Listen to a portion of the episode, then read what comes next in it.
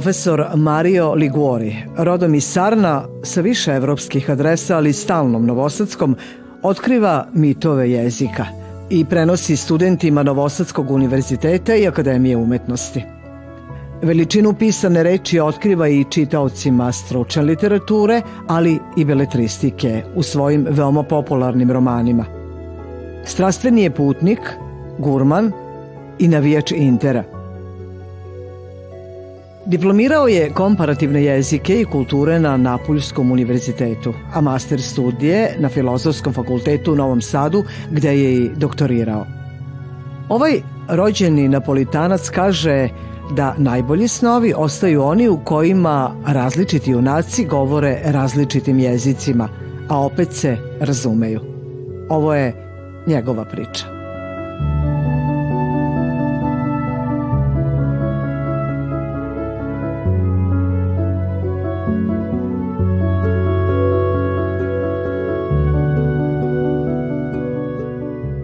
zašto je baš ovo mesto deo vaše priče? Zato što je ovo mesto gde mogu da imam jednu sliku, jednu posebnu sliku grada. I mesto gdje ja smatram da geografija pobeđuje istoriju, zato što e, na Balkanu svugde imamo tu veliku istoriju koja ponekad ima neke goleme, neke velike dimenzije, e, koje ponekad škode i možda ne bi trebalo da budu tu u nekim momentima, a onda imamo jednu skrajnutu geografiju. A ja kao, kao mali sam obožavao geografiju i, to i dan danas traje i smatram da geografija ima, eh, svoje eh, mesto u ovom gradu i odavde se to vidi. I mislim da je ovo mesto gdje konačno triumfuje geografija i negdje sam i napisao da ovdje je geografija pobedila istoriju. Ali onda ovdje imamo i jasniju sliku svih elemenata. Naprimjer, vidimo da je nebo veće od zemlje i onda se sećam Miroslava Antića koji je pevao o nebu i to je drugi razlog zašto mi se ovdje sviđa. A možda je ovo jedno mesto gdje ima manje grubosti u odnosu na, ono dole, na sam grad, zato što su naši gradovi, gradovi lepi, a u isto vrijeme i grubi. A iako je grubost ženski rod, znate, imenica ženskog roda, uvijek je nekako muška ta grubost. I onda ja volim da mislim da se žene bolje osjećaju ovdje, vjerovatno zato oni koji se vole moraju ovdje barem njenom biti i posmatrati grad od ozgo. A kakav je grad odakle ste vi? Samo mesto se zove Sarno, a to je kod Pompeje. To je južno od Vezuva, u napuskom kraju. Za strance je Napulj e, maltene cela kampanija. To je jedan kontinuitet jer je to neka, jedna ogromna konurbacija. Napulj je grad koji se sve više širi i tamo je gusto naseljeno e, podneblje dakle i najgušće naseljeno podneblje u Europi zajedno sa nekim drugim krajevima, ali to je jedan ogroman grad i ne zna se gdje je početak i gdje je kraj. Znači sve spojeno, Od Kazerte do Salerna je to jedan, eh, veliki, jedan, jedini veliki grad, hoću da kažem, eh, koji eh, bez diskontinuiteta, imamo jedan kontinuitet E, to znači da mi nemamo neka polja između dva grada, pa onda možemo razlikovati. Čak ni kukuruzna, kao kad krenete kod nas, jel pa dovete, jer ne, ne postoji.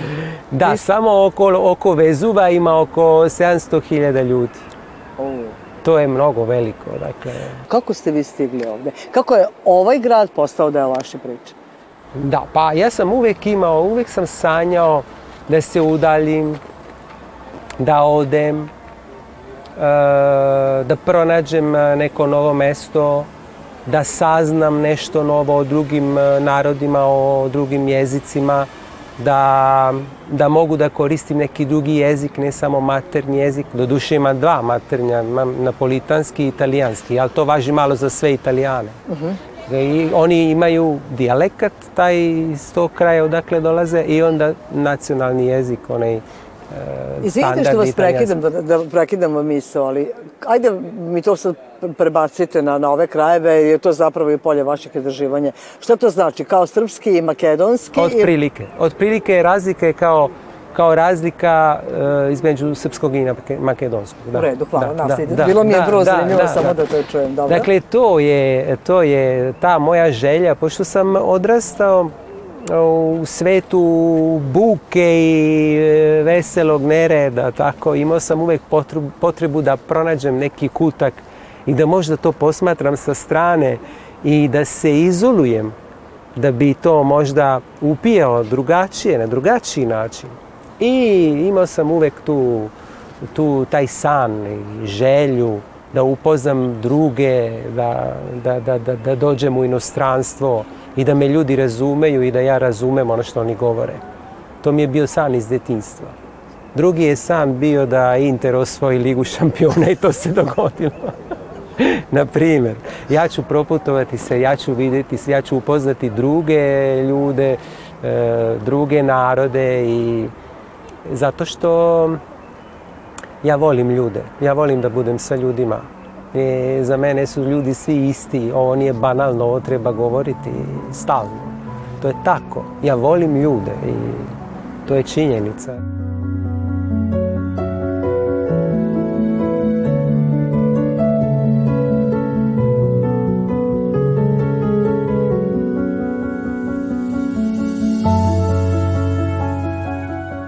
Ja nisam čovjek koji traži mnogo Italiju u inostranstvu. Smatram da Italija mi je u Italiji i ja mogu da je vidim kad, god poželim i da je pogrešno možda tražiti u nekoj zemlji nešto čega nema.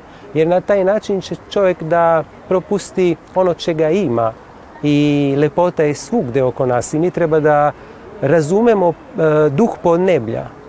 Ako čovjek neće da razume duh podneblja, zašto je došao u inostranstvo? I na taj način ja u stvari afirmisati svoju kulturu, pošto će se naći neko koji će to eto tako reći da je jedan Italijan došao i zavole ovo ovdje, da je vide ovo ovdje čista srca, kako da kažem, da, mu je bilo prijatno i da je poštovao, uvažavao ove vrednosti koje su ovdje. I da ima mnogo studenta i da je napisao nekoliko knjiga, što stručnik, što da. beletristike, da. za koje vlada neverovatno interesovanje. Da. Pa ja sam onako osuđen malo na taj dupli život, na da budem dupleks, onako malo, da budem e, naučnik i da budem e, umetnik, stvaralac. Ali smatram da je i ono naučno e, nemoguće bez kreativnosti i bez svih tih mehanizama stvaranja koji su neophodni i kad se piše beletristika. E, I predavanja, na primjer, su nešto kreativno. Nije to puko ponavljanje, nekog, nekog suvoparnog znanja, nego smatram da je svakako jedno stvaranje to predavanje. Jedinstveno, neponovljivo i samo tako treba da bude. Naravno, postoji plan i program, ali Smatram da predavač treba da kaže nešto što se ne može naći u knjigama. Da što, je on, što je on uočio. Mhm. Eto, ranije je bilo možda i više tako. Profesor govori o stvarima kojima se trenutno bavi. I eto, moram da vam ispričam, ne mogu da izdržim. Ja sam, eto, sad ovih dana, e, ovih dana angažovan, tako istražujem predloge, pa sam primetio nešto i ja moram sa kolegama, sa koleginicama na fakultetu da prosto podelim tu informaciju i da kritički postavim to eh, i da ih pitam za mišljenje i, na taj način se može najbolje raditi moj posao. Eh, ne treba da bude ništa dosadno, pogotovo oni koji govore treba da paze da ne budu dosadni, nego da drže pažnju Treba da, predavač treba da ima pedagoški nerv, treba da ima harizmu i treba da voli ono što radi. To je jedino što može da prenese.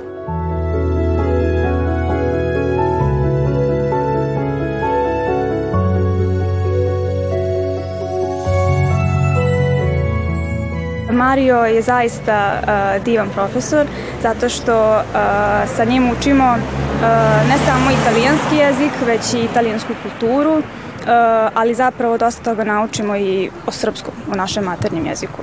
Apsolutno je velika čast i verujem da nisam jedina koja je oduševljena i koji je, e, kojima je profesor Mari omiljeni profesor, upravo zbog toga što je toliko strastven, i posvećen, dobro organizovan. E, također, e, mislim da govorim ime svojih kolega sa svog smera, ovaj, da Izlazimo sa njegovih predavanja posebno nadahnuti, inspirisani, jer mnogo učimo.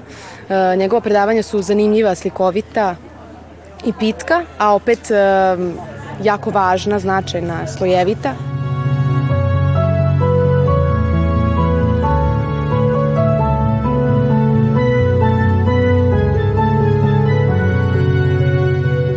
Ja sam osjetio u jednom trenutku da ne mogu da nastavim samo sa italijanskim jezikom. Meni su potrebni još neki jezici, meni su, meni su potrebne neke druge reči. E, treba da znam da kažem e, zid na nekoliko načina, na nekoliko, da, upotrebljavajući nekoliko jezika.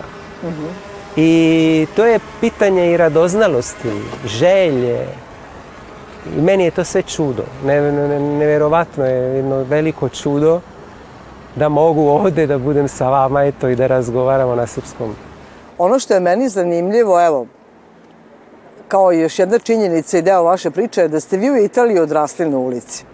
Da. ste mi rekli ja sam odrastao na ulici, iskreno da vam kažem, ovdje u ovim krajevima to ima malo drugačiju konotaciju od onog a, a, kako je u vašem kraju. Voljela bih da... Da, pa vidite, vi ne možete, znam ja da odrastao sam na ulici i spada sada je nešto opasno.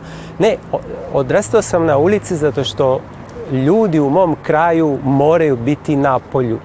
Napisao sam da u Napolju se sve događa na polju. tako. To je tačno, to je tako. I ja sam Jako eh, sam odrastao, jako mi je porodica divna, jako su oni eh, sve, sve učinili da bi me nekako zaštitili, opet, opet nisam mogao da izbegnem ulicu. Zato što su svi moji višnjaci bili tu ispred i igrali se. I... Što to znači baka otvori radnju? Da. kao što čitamo u literaturi, u da, zaista ste da, da, da moja baka, moja baka je imala, da, moja baka je imala radnju i ja sam odrastao u toj radnji i sa tim fantastičnim mirisima i ukusima i onda sa svim tim ljudima koji su bili okolo, sa, sa decom što skače, mislim ljudi koji skaču na sve strane. I ja sam bio deo tog života. ali ulica je učiteljica života. E, ja sam tamo naučio da treba da poštujem svakoga. Ja sam tamo naučio da ne postoji razlika zato što ulica, sama ulica briše sve razlike. To znači da svi imaju isto dostojanstvo tu. Svi e, zaslužuju tvoje poštovanje. I onda to koristim sad u životu, u međuljudskim odnosima.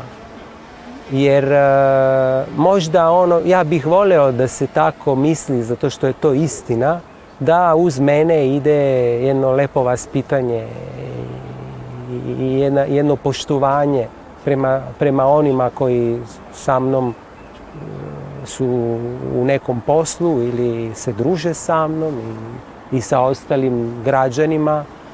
To mi je mnogo bitno. I onda je ulica demokratsko mesto. I to je kao neka škola demokratije. I ko je to propustio, smatram da je propustio bitan deo. I da bez toga ne može čovjek da postigne čak i neke visine, ni intelektualne, ni duhovne, ni moralne.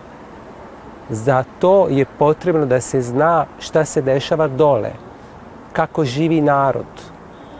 S jedne strane, kod mene imate tu erudiciju, ja sam profesor, ja sam pisac, sve je to u redu. Ali s druge strane, ja sam čovjek iz naroda.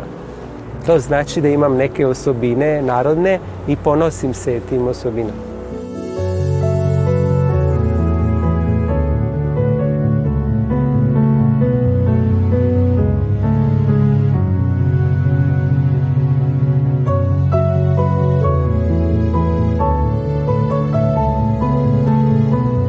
brojevi su veoma važni u Napolju. U mojoj ulici je svako imao svoj broj kad je, bio mali, mislim, dobio e, broj zato što tu su praznoverje i kabala bitni faktori. E, ne baš svi, e, ali većina. Neki brojevi su veoma pozitivni, a neki drugi su izuzetno negativni i onda to je kao neki pečat i pratite do kraja života. A koji ste u, u tom slučaju sam ja veoma srećan što ja nisam dobio broj, ali, su, mnogi drugi dobili, recimo ko je dobio 22, znači ludak, a 23 je šašav i blesav i... veoma mi je drago što ja nisam znači- dobio ni jedan broj. Možda zbog toga što ni moja porodica. Jer neke porodice su nekako bile drugačije ta prodavnica moje bake je bila važna u mojoj ulici. Jer je bila tad jedina, a ulica je dosta dugačka, velika. I svi su dolazili tamo. I to je bila kao neka pozornica tamo. Dobro. I, i moje, moje, moje mesto, mesto mog djetinjstva, moja teritorija, moja teritorija koja je opet na polju mnogim italijanskim, u svim italijanskim gradovima vi imate neke tremove. Zato što, se dešava Zato što su ranije, čak i u srednjem veku, i javni beležnik i drugi i trgovci, svi su bili napolju i radili, ako je vreme dozvoljavalo, svi su bili polju i radili ono što obično rade. Zato što su kuće bile male, zato što su bile uske, zato što su bile mračne, a život, život se događao na polju. A ne u četiri zida. Da, to je neka moja... Danas I danas je divan dan, podsjeća na napuske dane ono, mog života.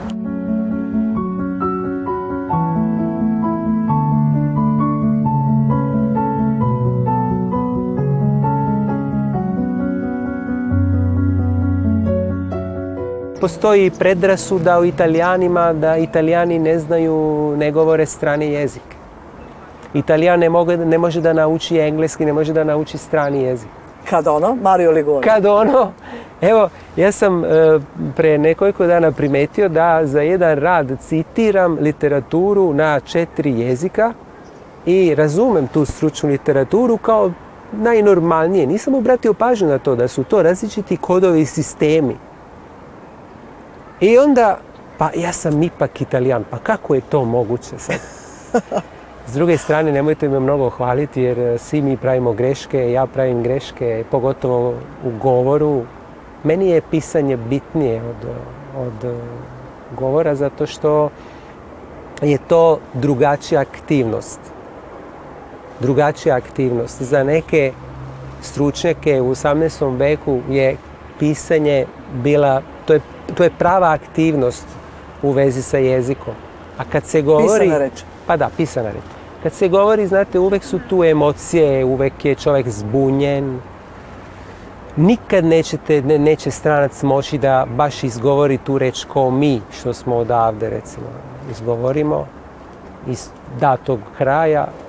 I ja sam se pomirio s tim vrlo rano. Ni, ni, ne pokušavam da zvučim kao... Ja nisam ni htio da oponašam druge kada govore, nego sam htio da stvorim svoj jezik i zato mislim da je Biljana Srbljanović rekla nešto lepo, važno o meni, kad je rekla da nisam, e, nisam naučio srpski, nego sam izmislio svoj srpski jezik. Jer da je to stvaralačko, stvaralačko stvaranje jezika, nisam više na nivou gramatike i ne zanima me mnogo taj nivo, nego me zanima da stvorim neke svoje rečenice koje do sad nismo čuli pre mog dolaska, jer je svaki čovjek jedinstven, ne samo ja. Mislim da je nova reč bitna za svakoga, za mene, jer ja se bavim jezicima i onda nova reč je tajna komunikacije za mene. I podmlađuje me nova reč, jer onda prolaze godine iza mene, ali ja mogu ostati mlad zahvaljujući jeziku.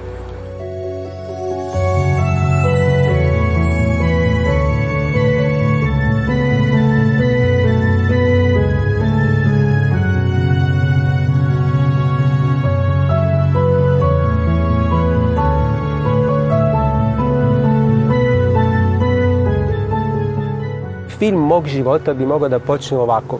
Crno platno, vi ne vidite ništa, onda se kamera udaljava i vi otkrijete u stvari da je to bila neka šunka. Kada, onda kada se udalji dovoljno da bi se videlo da je ono, to je bila neka šunka tamo. Ti mirisi, ja volim su hranu naravno, ali prerađevine su mi nešto posebno, zato što je moja baka imala tu prodavnicu i ja sam u tome odrastao. E, ženska lepota jer je to to je šok za, za mediteranca, za južnog italijana. Postoji kult žene i to je šok zbog jedne neopisive lepote, neverovatne lepote i to je onda e, nešto na šta čovjek e, misli svakoga dana, u svakom momentu, u svakom momentu on misli na to. I Mm, Inter zato što bez futbala ne može Italijan da živi, pogotovo južni Italijan i on je opterećen e, tim sportom. I meni je pripala čast eto, da zavolim Inter, da navijam za Inter i dan danas e, mi je to bitno. Šta onda nedostaje i koji još deo vaše priče, priče Marija Ligvorija, ostavljate za neku blisku budućnost? Postoje li neke želje koje će upotpuniti RAM? to je dobro pitanje. E, meni se čini da postoji samo jedna žena i da je to jedna jedina, jedna moguća koja može da postoji.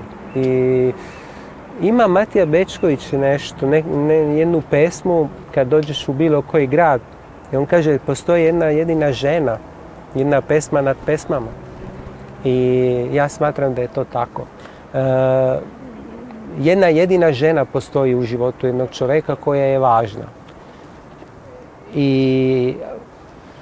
ako govorimo o ženama, onda ja mislim na tu ženu.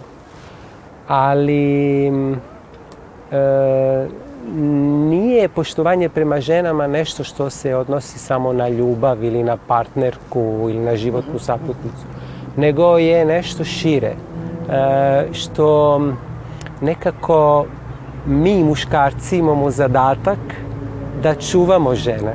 Mi imamo zadatak da e, vodimo računa o ženi.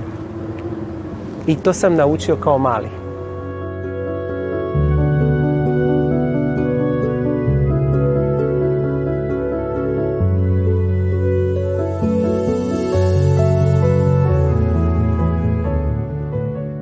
E, ja bi voleo da se za možda za 50 godina za mene govori da sam ja bio čovjek koji je tražio lepotu, koji je htio da lepotu učini važnom ovde i tamo i gdje god je bio da afirmiše neke pozitivne vrednosti.